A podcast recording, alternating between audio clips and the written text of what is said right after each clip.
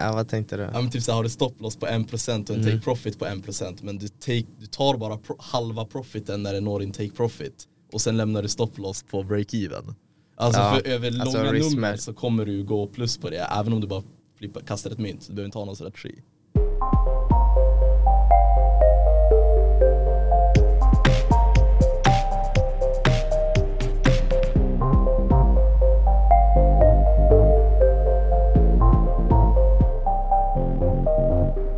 Hej och välkommen till avsnitt fyra av Unga Aktiesparare. Idag så har jag med mig två stycken snubbar här inne. Ni får gärna presentera er. Ja, mitt namn är Andreas, jag har varit med tidigare. Ja mitt namn är Said, eh, jag har varit med i ungefär fem månader. I UA. I, UA, Ja. I UA ja, Mm. inte på den här podden. Ja, precis, första gången för podden. Ehm, och vi ska ju idag prata om teknisk analys och där kan jag hand on heart säga att jag är väldigt eh, grön som vi brukar säga. Det är ganska många som eh, känner sig grön på det här ämnet. Ja. Det, det brukar vara för, förbisett. Mm. Eh, folk vill inte riktigt eh, fokusera så jättemycket på det. Nej, det låter ju som så allvarligt och eh, svårt. Men jag tänker att vi kanske kan försöka göra det lite mer lättbegripligt idag. Ehm, men Andreas, vill du börja snacka lite om vad det faktiskt är? Ja, nej men man brukar väl, eh, teknisk analys liksom, när man pratar om aktier och värdepapper och, och liknande så kan man dela upp själva analysmetoden för att på något sätt förutspå ja, men framtida prisutveckling brukar man ju kunna dela upp det antingen i teknisk analys och fundamental analys. Tidigare har vi ju pratat om aktier och gått in lite på fundamental analys där man, ja, man kan eh, värdera eh, aktier utifrån det underliggande bolaget i form av vinsttillväxt och, och liknande. Men teknisk analys, då bortser man helt, helt från det utan man kikar mer på grafen och prisrörelserna och eh, försöker studera eh, enbart då grafen och ja, men känna igen mönster på grafen och, och, och genom det försöka få en uppfattning om vart priset ska gå i framtiden. Mm. Så det är väl egentligen kortfattat vad, vad teknisk analys, eh, hur det särskiljer sig. Mm. Men när och eh, hur ska man använda det då? Ja, alltså det finns jättemycket olika eh, applikationer eller när man, ska, när man vill använda det. Vissa väljer att, att göra en, en grundläggande fundamental analys där man kikar på ett bolag och tittar att ja, men det här kan nog växa 20% sen, per år i fem år framöver och så eh, ser man kanske och ser det som ett, som ett bra bolag att köpa och så sen gör man också en teknisk analys för att ja, få, få ett bra inköpsläge. Att, att ja, men den kan komma ner den, till den här nivån innan jag väljer att eh, ja, men köpa för att få de här sista extra procenten. Då. Eh, Det, det ja, men är väl rätt vanligt. Men sen kan man väl också använda sig av, av det att enbart sitta och handla enbart på, på teknisk analys. Är det här någonting som du använder dig av Said? Jag skulle säga att jag använder det mer förut än vad jag gör nu. Mm. Eh, men eh, nu skulle jag nog säga att jag använder det enbart i kombination med fundamental analys. Mhm. Mm. Eh, och det grundar sig lite i eh, ja, men min filosofi kring hur användbar TA är egentligen. Mm. Och för mig handlar det väldigt mycket om vad är man bettar på? Så när man investerar i någonting så bettar man egentligen på en tes. Man tror någonting. Mm. Eh, och för mig känns det som att beroende på tidshorisont och så vidare så kan man egentligen ge två olika svar kring hur användbart TA är. Eh, och det korta svaret är att det inte är användbart och det lite längre svaret i min mening då det är att det är väldigt användbart eh, i kombination med annat. Eh, för kollar man egentligen, kollar man på till exempel aktier eh, en aktie, köper jag en aktie så bettar jag egentligen på framtida kassaflöden. Köper jag valutor så bettar jag egentligen på eh, räntor. Ja, väldigt förenklat då men gräver man lite i det så är det väl egentligen det det kokar ihop i. Eh, och som, som kombination till en fundamental tes så tycker jag att teknisk analys är klockrent.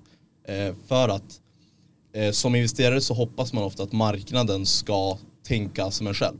Gärna att man är lite före marknaden men att marknaden som helhet får samma tes som en själv. Och när jag gör teknisk analys så vill jag ofta att marknaden ser det jag ser. Och eh, jag kan känna att det är enklare för ja, men till exempel Andreas att se exakt det jag ser när vi kollar på en graf. Eh, snarare än när vi gör en fundamental analys. För att det är väldigt mycket mer, eh, vad ska man säga, straightforward. Ja, det är lite grann det som särskiljer dem också fundamental analys och teknisk analys. Att, att teknisk analys, då får du oftast eh, svar på din tes ganska omgående beroende på vart du tittar. Om du tittar på veckografen, dagsgrafen eller vad du tittar. Det kan ta längre tid men kan gå ner på, på lägre nivå, eh, enminutsgrafen och, och få då, eh, ja, men svar om din tes stämmer eller inte. Fundamental analys, då, då är det ganska lätt att för att du ska ha rätt så måste du först ha fel ganska länge. Mm. Och det var väl de här äh, herrarna som, som men, gick kort eh, bostadsmarknaden 2008 där, eh, ja, som det finns en film om Big Short. Eh, som eh, Michael Burry där som, som hittade det här, eh, de här um, bostads eh, subprime-lånen då som var, var skräp egentligen. Det hittade han typ 25 och så tog det ja men, två år av liksom eh, underprestation mot marknaden innan han fick rätt. Och det är väl det som gör att fundamental analys kan vara ganska svårt för gemene man att, mm. att eh, genomföra. För man måste verkligen tro på sin analys och eh, våga ha fel väldigt länge för att sen då få rätt i slutändan. Mm, det låter ju som, även om det är väldigt eh, på ett sätt kanske predictable om man sitter och räknar på allting och, och, analyserar så låter det ändå som om du säger att det ska ta två år för en att, att känna att ja men nu, nu är vi hemma. Att det låter lite risky. Men alltså är det hög risk att, att, eh, hålla på med fundamental analys? Alltså Andreas var ju lite inne på det. Eh, jag höll på att börja skratta för jag trodde att han skulle säga det också. Men det finns ju en, en eh, metafor eh, och det är att marknaden kan vara irrationell längre än vad du kan vara solvent. Mm. Eh, och det brukar oftast vara lite så när man har en fundamental tes som kanske Speciellt om man är lite contrarian då som Michael Burry. Mm. Eh, för, för, då bettar man egentligen på någonting som ingen, ingen annan tror på. Man går emot konsensus. Eh, och när det kommer till teknisk analys så, så eh, kan en sån tes spela ut sig snabbare eh, beroende på vilken tidshorisont man har och vart det är man, ja men vilken, eh, vad ska man säga, timeframe det är man chartar på helt enkelt. Mm. Eh, men när det kommer till risk så skulle jag säga att allting är väldigt, väldigt subjektivt. Eh, men i min mening så är eh, ja, riskhantering A och O egentligen om man ska handla aktivt och speciellt om man ska använda teknisk analys. För att, eh, ja, men återigen beroende på vilken tidshorisont det är man kollar på och så vidare så kan saker gå väldigt snabbt. Och teknisk analys i min mening är mer en, en numbers game än vad det är någonting annat. Mm. Och, och, det fina med teknisk analys är att man kan man brukar kalla det backtesta sina strategier bakåt i tiden. Och sen eh, med hjälp av ja, men, stora samples på en speciell strategi så kan man se historiskt hur eh, en sån strategi har presterat. Och det det oftast brukar koka ihop i är att man har en väldigt, väldigt liten edge, även om man har en edge. Och det betyder egentligen att man, man måste kunna hålla sig kvar i gamet väldigt länge mm. för att den här edgen ska kunna spela ut. Säg att jag till exempel har en, säg att jag tar 5000 trades och 2499 av dem eh, så förlorar jag 2% eh, till exempel. Eh, då är det väldigt viktigt att jag har en sån riskhantering så att tar jag många förluster i rad så måste jag fortfarande kunna ha en köpkraft när det är dags, när den här strategin då ska börja funka. Mm. Ja, nej men, nej men precis, det är verkligen ett, ett, ett risk-reward där. Alltså, det handlar ju lite grann om, man brukar ofta prata om hit rate på en strategi att, att eh, ja men om, om du har 5000 trades bara, eh, att du förlorar varannan trade, då gäller det ju att du tjänar eh, ja, men mer än två gånger så mycket eh, som du förlorar mm. för att eh, bli lönsam i längden. Och, och det låter som ganska enkelt i, i praktiken att enbart bara, ja men jag följer bara det här så gör jag så. Eh, men då kommer man ofta in på att det, det psykologiska i människan som stoppar en att ja, men, tänk om det inte fungerar alls. Mm. Eh, jag har svårt att hålla, hålla mina trades ända fram till, till eh, ja, men, target price och så sen så blir man tveksam och så sen så eh, tappar man hela edgen överhuvudtaget. Så det, det är svårt, det, det är väldigt svårt. Men kan ni inte förklara lite mer så att man får en bild av om man inte någonstans, alltså om man aldrig har hållit på med det här, vad är i praktiken, vad är de här analyserna? Sitter man liksom och skriver ner massa siffror? Sitter ni och beräknar, jämför ni grafer? Alltså hur ser det praktiska arbetet ut med teknisk analys? Jag skulle säga att det beror på vad det är man kollar på. Men eh, Andreas är ju en price action kille. Jag skulle säga att jag gillar indikatorer mycket mer. Mhm. Eh, och det är väl en sån sak som vi är lite olika i. Men när man kollar på price action så kollar man egentligen på grafen och försöker hitta ett mönster. Mm. Vart har eh, marknaden, vart har eh, grafen haft liknande rörelser innan? Okej. Och så försöker man hitta de ställena och liksom kunna identifiera olika nivåer Mm. på en graf. Som till exempel stöd och motstånd. Vart har grafen, eller vart har priset gått ner och sen gått upp igen flera gånger? Mm. Och då identifierar man som ett mönster med en stödnivå. Just det. Ja. Och det som du använder dig av då, Andreas? Ja, så det finns ju egentligen det finns jättemycket olika strategier. Dels men baserat på indikatorer och så finns det allt från Elliott Wave Theory och det finns stöd och motstånd, det finns pattern, det finns så sjukt mycket. Eh, Men i slutändan så måste man träna på sin strategi och, och kika på det där. Man måste göra det otroligt klart för sig vad, in, vad, vad är min strategi. Mm. Och så, så måste man repetera det, man måste träna det genom att backtesta och man måste få en viss um, självsäkerhet i sin strategi då och eh, enbart leta efter den då och, och inte eh, försöka att tro att du ser vad Mm. du faktiskt ser. Det, det, det är ganska abstrakt ändå. Eh, så att, nej, men det är rent hur jag kika på teknisk analys är just som Said säger en price action och det är ju egentligen läran om, om prisets rörelser. Och det finns ju också andra typer av, av eh, ja, men indikatorer som, som Said eh, nämnde. Eh, det man oftast brukar säga om indikatorer är att de, de ger en, en fingervisning, de är inte alltid rätt eh, och eh, det är väl just att de har en tendens att eh, vara lite eftersträvande eller vad man ska säga. Det är ju egentligen beräkningar på tidigare prisrörelser eh, som, som man gör. Eh, Mm. så att, eh, men absolut, det funkar ju i, i viss mån. Liksom. Och det är egentligen där som många som gillar TA brukar ha meningsskiljaktigheter. Vad är best price action eller indicators? Och det är precis som Andreas säger att indicators de är ju lagging. Så det är ju egentligen, de är ju reaktiva på Mm. eh, tidigare data. Eh, det jag gillar med indicators det är att man kan kvantifiera sin strategi extremt mycket. Eh, och vad jag menar med det är att du kan ha regler svart på vitt så du vet 100% det här är ett köp för mig, det här är ett sälj för mig. Eh, och det skulle jag så, säga är svårare att bestämma när man kollar på price action. Och därmed blir det enklare också att backtesta sin strategi med indicators för att du vet exakt, du har det svart på vitt.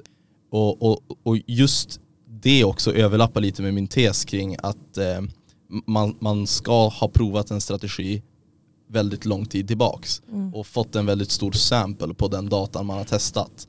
Eh, och, och det är väldigt mycket enklare att göra med indicators. Eh, och sen frå, i frågan kring vad är best price action eller indicators, det är liksom i min mening en helt annan diskussion.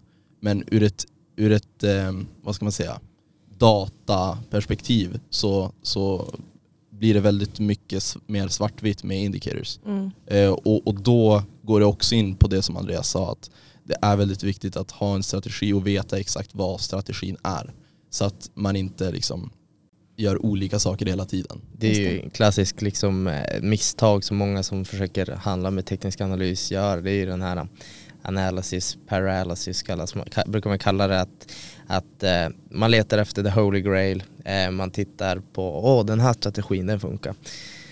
Så testar man den och så funkar den inte i varenda fall. Och så sen går man vidare, letar efter en annan. Och till slut så har man testat eh, jag vet, hundra olika sätt och ingenting har egentligen funkat. Och det ju, handlar ju mest om att man inte har övat på en strategi tillräckligt länge för att få den att eh, funka.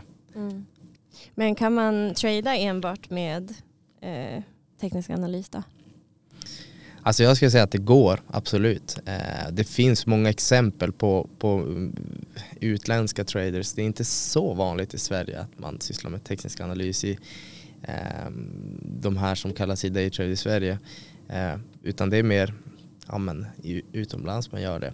Och det tror jag har, har att göra med att i Sverige så har vi någonting, ett system eller eh, men, vad är det, det kallas infront. Det är egentligen som någon slags eh, inte en app, men du, du, kan ladda ner det på datorn, du betalar en viss summa för det. Eh, så kan du koppla det till Avanza-konto och så får du, får du ja, men information om mycket info, information om order, orderflöde. Mm. Och det är något som har blivit väldigt populärt i Sverige, att man handlar enbart på, på eh, ja, men hur orderdjupet ser ut. Mm. Även om de nu har begränsat det till en viss del så handlar man mycket på, på, det, eh, på det sättet i, i småbolagslistorna. Eh, och därför har väl teknisk analys hamnat lite i skymundan i Sverige. Just det.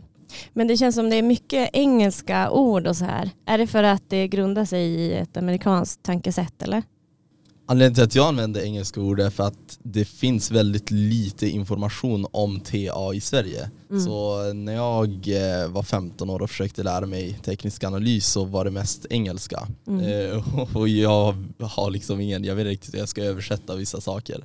Mm. Men ja, det är absolut det är också att det, det, är väldigt mycket mer mm. populärt i USA. Det var väl egentligen där det började kanske. Ja, jo, det finns ju en populär trader, Paul Tudor Jones är ju en av de här legendariska eh, traderserna som, som jag vet att han handlade eh, med hjälp av Elliot Wave där på 80-talet. Sen vet jag inte riktigt hur han handlade i stora hela men det var en, en, del av hans strategi.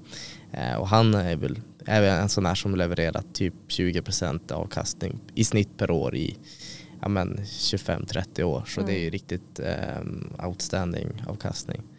Mm. Uh. Men jag kan inte heller låta bli att märka att det nämns, det är ingen kvinna som nämns i de här föregångarna eller de som har gjort, eh, ja, men gjort så mycket pengar på börsen i, i, alltså, i stort.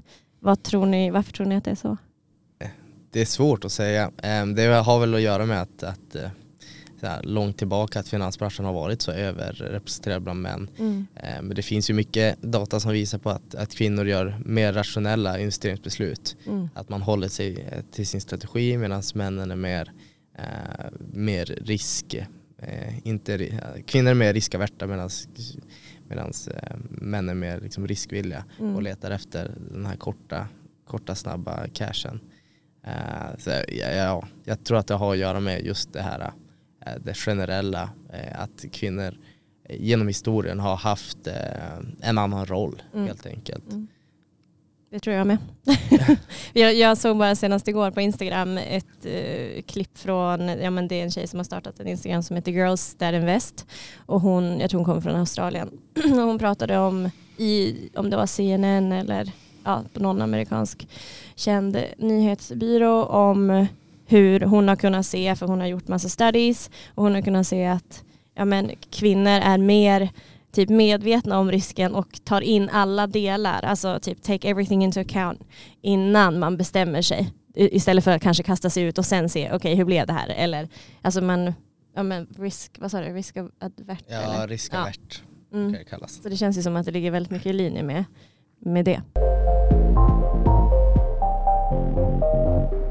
tradingstrategier kopplat till teknisk analys. Vad, vad finns det för några?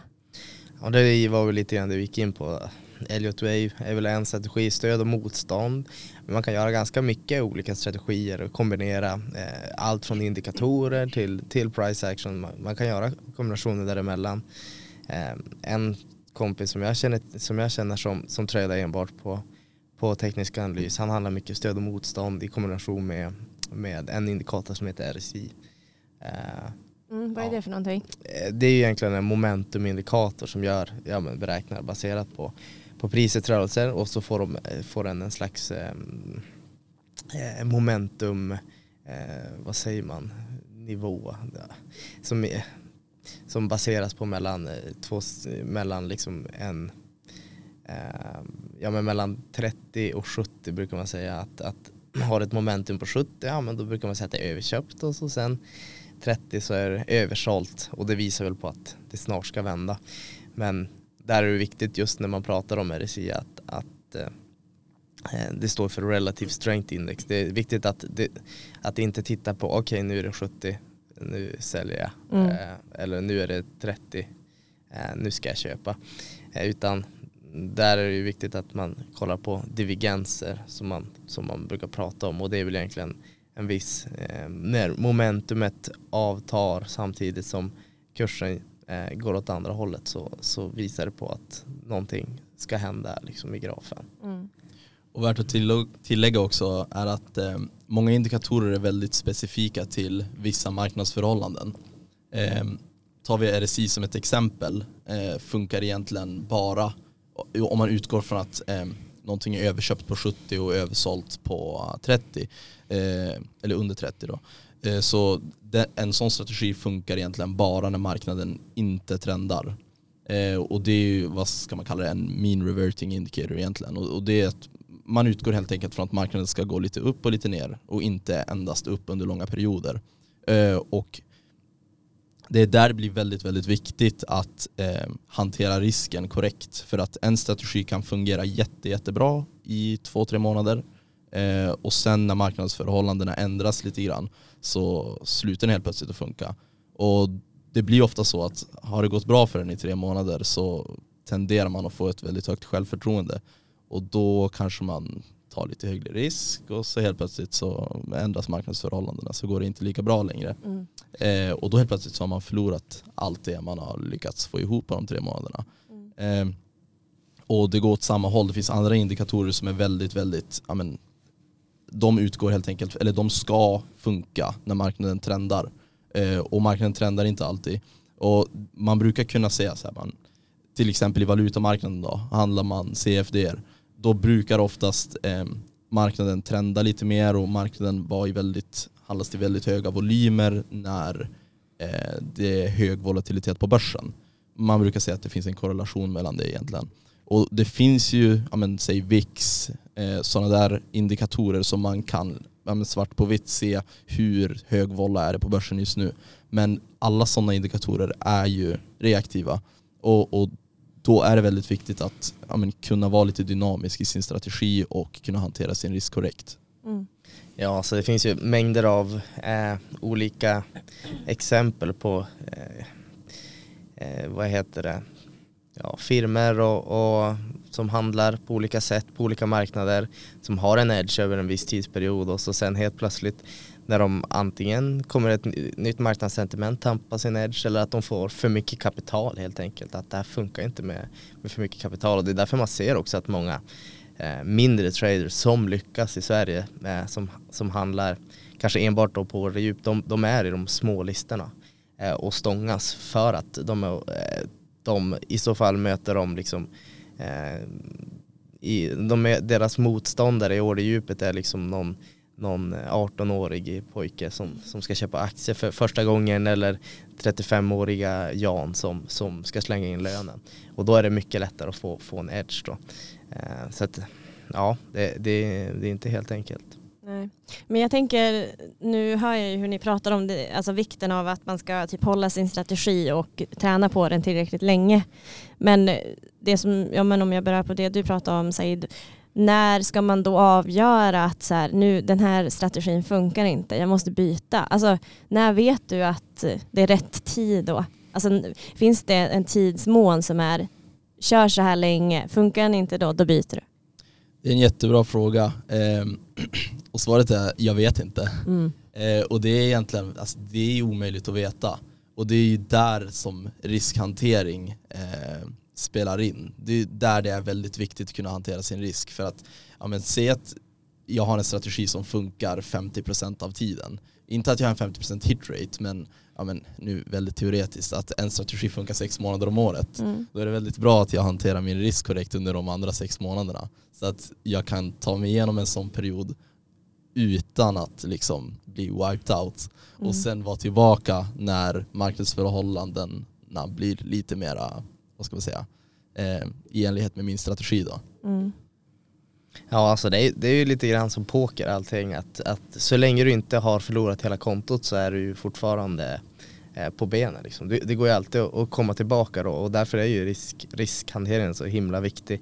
Att, eh, ja, att du, du tjänar mer pengar när du gör vinst än när du förlorar. Eh, för det, det, finns ju hur mycket olika sätt som, som eh, att Baserar det på att, att ja, men, vi säger att du tjänar tio gånger så mycket när du faktiskt eh, får, en, får en grand slam och, och gör en bra trade så tjänar du tio gånger så mycket som när du förlorar och så säger vi att du förlorar varannan gång eh, då har du ju en, en otroligt bra edge att bara köra, köra på den. Eh, så att, eh, ja. Men blir det lite tävling så här om vem som har bäst edge för er som är väldigt insatta då? Eller? Jag skulle inte säga det. Eh, det är väl egentligen eh, eh sådana såna tävlingar ser man väl kanske bland väldigt oseriösa aktörer på mm. Instagram och Twitter. Mm. Eh, jag skulle säga att alla som faktiskt har en, en, en sorts edge eller som verkligen har lagt ner den tiden som krävs för att förstå hur marknaden fungerar eh, vet att man inte riktigt jämför Nej. sig på det sättet.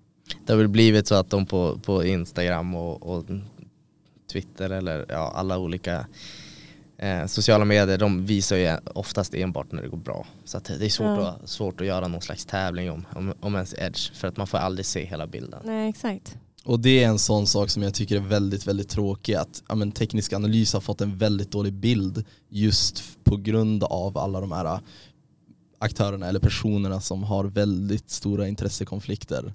Eh, ja, men, när det kommer till att sälja kurser och sånt där. Eh, och, och det gör ju att folk blir lite otaggade på, på hela konceptet. Mm.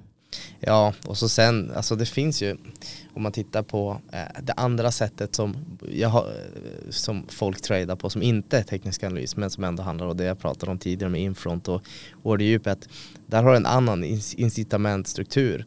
Alltså om du handlar enbart på teknisk analys eh, och eh, då, då har du liksom en, ett incitament att sälja en kurs för att om det är 10 000 som gör exakt som du på valutamarknaden med småsparare så kommer inte det spela någon roll.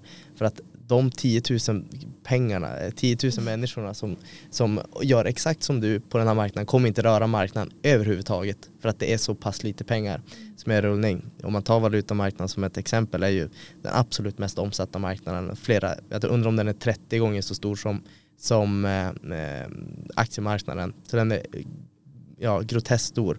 Medan Eh, om man tar de här mindre tradersarna som handlar på, på småbolagslistorna eh, i Sverige som är populärt, där är det liksom att ja, men, om jag delar med mig av min edge så tappar jag den för att deras eh, kapital eller den omsättningen av aktier som sker i de här bolagen är mycket mindre. Eh, så där blir det mer att man är hemlighetsfull och därför säljs det inga kurser inom det heller. Mm. Men eh, är det därför som man kan tänka att teknisk analys är lite förbisett i Sverige då? För att det finns, eller det har fått typ ett bad rep? Ja, alltså det, det är en anledning. Eh, däremot skulle jag säga att på senare tid har det nästan blivit lite trendigt, alltså lite för trendigt. Mm -hmm. och, och, då, mm. då är verkligen eh, strategier är det som är väldigt, väldigt relevant. Och folk letar liksom efter en strategi som är väldigt bra.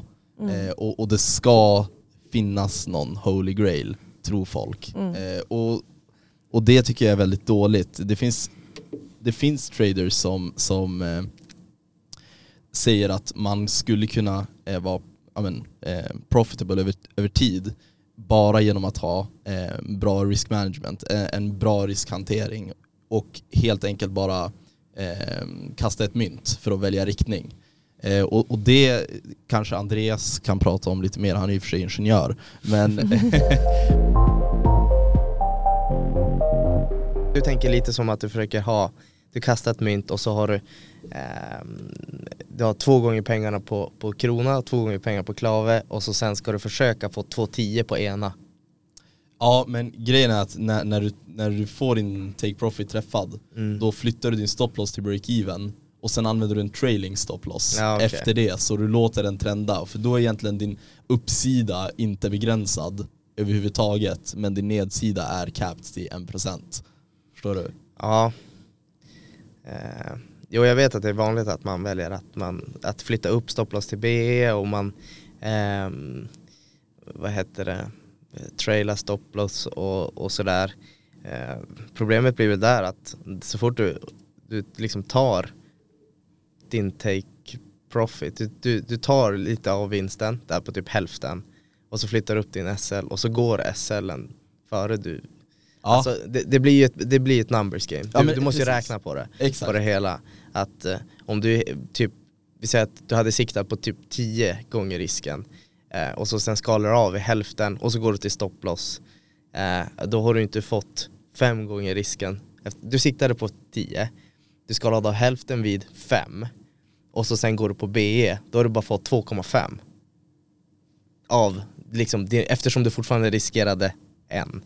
Men ja, det blir, det blir lite komplicerat, men jag fattar vad du menar. Men exakt, det är ju, det är ju exakt det jag, jag, jag menar. Men då i det fallet att du har en trendande marknad, då kan du helt plötsligt få en, en, eh, en sån som går ja, men, 10 risk-reward helt enkelt. Du, du har en som går 10% och då har du inte capat din uppsida så du tar du hem den här 10% och den är värd 10 förluster.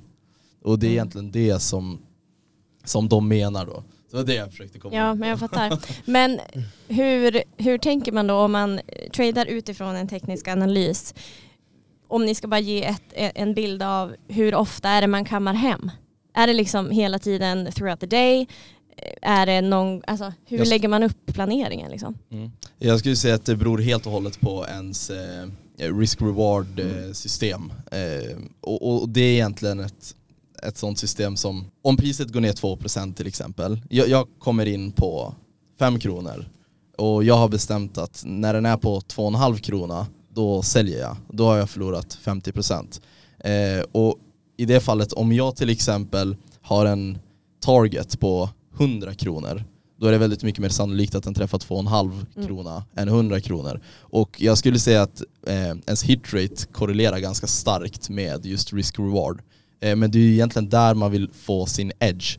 Men egentligen eh, så skulle jag säga att på kort sikt så är väldigt mycket 50-50 om man har, eh, det, det, det är egentligen korrelerat med risk-reward helt enkelt. Mm. Ja, alltså marknaden kan ju bara gå upp eller ner i, i, Mm. egentligen. Mm. Men när man sätter in en stopploss och man sätter det liksom i förhållande till tid på något sätt så, så blir det inte riktigt 50-50 och det är där man oftast kan hamna lite snett. Det låter ju som att det här både tar mycket tid, det kräver mycket av en, det kanske är lite så här nördigt, det måste vara ett intresse, man måste kunna liksom djuploda i alla, alla delar. Är det jämlikt med att vara en daytrader? Måste du sitta liksom flitigt och titta på, på börsen? Eller har du lagt in allt, nu gör jag situationstecken, så att det går av sig självt? Eller är Alltså- det kolla hela tiden? Eh, Det beror alldeles på. Vissa väljer att ta liksom, alltså om, om man säger så här, du kan ju ta en trade per år om du vill.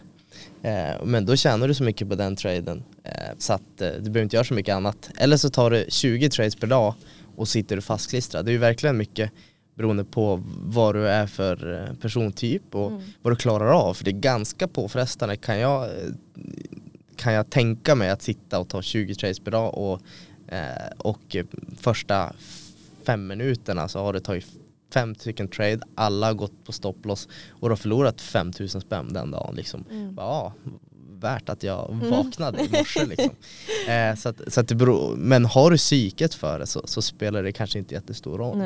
Eh, så att det är, man måste i, i slutändan koka ner till vad man, vad man själv är Mm. bekväm med. Men, ja, men som du då Andreas, vad lägger du det på för nivå? Alltså, Ja, du? Det blir mycket swing-aktigt i och med att jag pluggar vid sidan om och har liksom inte den Nej. tiden att sitta, sitta fastklistrad på dagarna. Eh, så där kan man liksom eh, koka ner, gå ner från ja, fyra timmars grafen till eh, en timmes och så sen om man vill gå ner så djupt som på 15 minuter kan man också göra det. Mm. Eh, men något i den stilen brukar jag ligga på. Mm. Du då Said? Eh, ja, jag försöker använda teknisk analys väldigt mycket i kombination med fundamental analys och lite sekundärt. Eh, och därmed så använder jag, alltså jag sitter absolut inte fastklistrad framför skärmen utan det är väl lite som Andreas, i högsta fall så är det swingaktigt Mm. och eh, annars så försöker jag bara använda TA nu för tiden för att kunna ja, men bestämma lite vart jag ska komma in snarare än vad det är jag ska komma in i. Mm. Eh, och det har väl egentligen varit en sån utveckling att jag var väldigt mycket mer aktiv förut och sen har det liksom stegvis blivit mindre och mindre. Mm. Jag tänker att swing trading är något som vi skulle kunna prata om faktiskt i nästa avsnitt. Jag tycker att det är väldigt det är kul och det är intressant att, att prata om. Um, men jag tänker att vi avslutar här med teknisk analys. Jag hoppas att vi har gjort det mer lättbegripligt för de som lyssnar. Jag tycker i alla fall som var helt, helt eh, ja, men ny på det här tycker att det var väldigt intressant och eh, ja, men, jag tyckte att ni gjorde det lätt att förstå. Men tack Andreas och eh, Said för att ni var här. Tack själv. Ja, men tack själv.